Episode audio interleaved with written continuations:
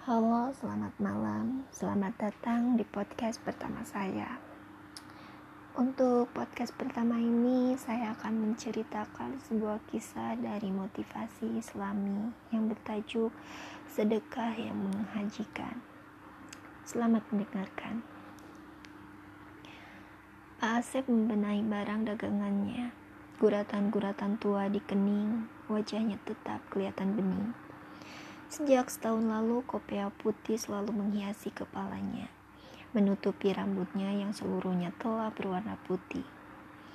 Alhamdulillah, jang, kadang sepi, kadang ramai.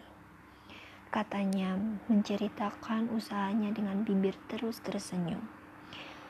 Dalam usia yang ke-67 ini, Pak Asep ditemani istrinya mengurus warung kelontong berukuran 3 kali 4 meter. Pak Asep dan istrinya belum dikaruniai anak. Di usia yang senja, mereka terlihat menikmati hidup.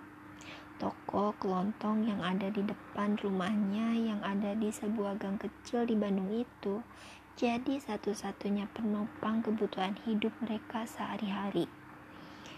Ini kenang-kenangan dari Makajang menuju kopea putihnya. Pak Asep dan istrinya memang pergi ke tanah suci tahun lalu. Dari dulu Bapak ingin pergi haji. Lanjutnya. Hal ini membuatnya berkomitmen untuk menabung sedikit demi sedikit dari hasil penjualan barang-barang di toko kelontongnya. Saya mah pokoknya niat pingin sekali pergi ke tanah suci. Lanjutnya. Bertahun-tahun sudah tabungannya. Sesekali dihitungnya sekedar untuk makin menguatkan keinginannya.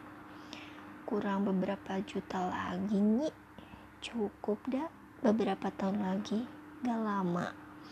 Katanya pada istrinya. Senyum Pak Asep dan istrinya merekah. Terbayang ia bersama istrinya akan bertawaf berkeliling mengucapkan talbiyah. Labaik Allahumma labaik. Saat-saat yang diimpikannya bertahun-tahun untuk menyempurnakan rukun Islam. Rindu di hari tuanya mendekat kepada Sang Halik. Dalam hari-hari semangatnya berhaji itu, Tiba-tiba sampai di telinganya sebuah kabar tentang tetangganya masuk rumah sakit dan harus dioperasi.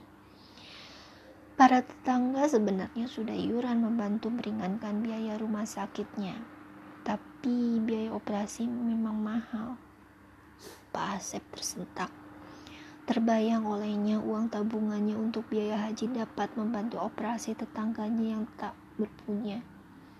Haji ibadah sedekah juga ibadah nggak apa sedekahkan uang kita untuk berobat ki istrinya mendukung uang tabungannya bertahun-tahun itu diberikan untuk biaya tetangganya yang dioperasi di rumah sakit Kang terima ini ya rezeki mah dari Allah mungkin emang lewat saya biarlah ini jadi jalan makin yang mendekatkan aku pada Allah Moga-moga cepat sembuh, Kang, katanya sambil menyerahkan amplop tebal uang tabungannya yang berbilang tahun itu. Dipeluknya Pak Asep dengan erat. Sedikit yang tahu ketulusan Pak Asep dan istrinya ini. Ketika dokter yang merawat temannya ini heran dari mana ia bisa membiayai operasi yang mahal ini, maka sampailah cerita tentang uang tabungan Pak Asep ini. Boleh saya dikenalkan sama Pak Asep, Pak? Sambut sang dokter terharu.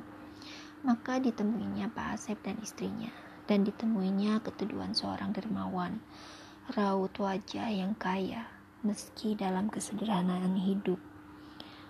Pak Asep, saya ada rejeki. Bolehkan saya ikut mendaftarkan Bapak dan istri pergi haji bersama saya dan keluarga?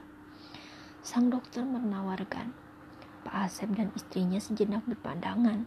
Tak kuat lagi menahan haru. Dipeluknya dokter dermawan tadi.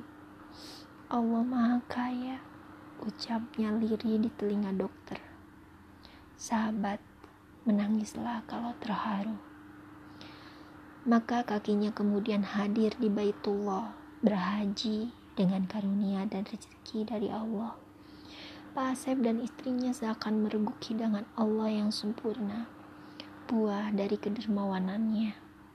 Kisah Pak Asep mungkin saja banyak terjadi kehidupan kita. Pak Asep-Pak Asep lain pun telah menggores hikmah kehidupannya sendiri, atau bahkan telah pula sering kita alami sendiri. Dan selalu saja sedekah akan menyuburkan hati kita, memberkahi kehidupan kita. Maka, mengapa kita menunda sedekah kita? Ya, untuk podcast kali ini saya rasa cukup sekian dan terima kasih.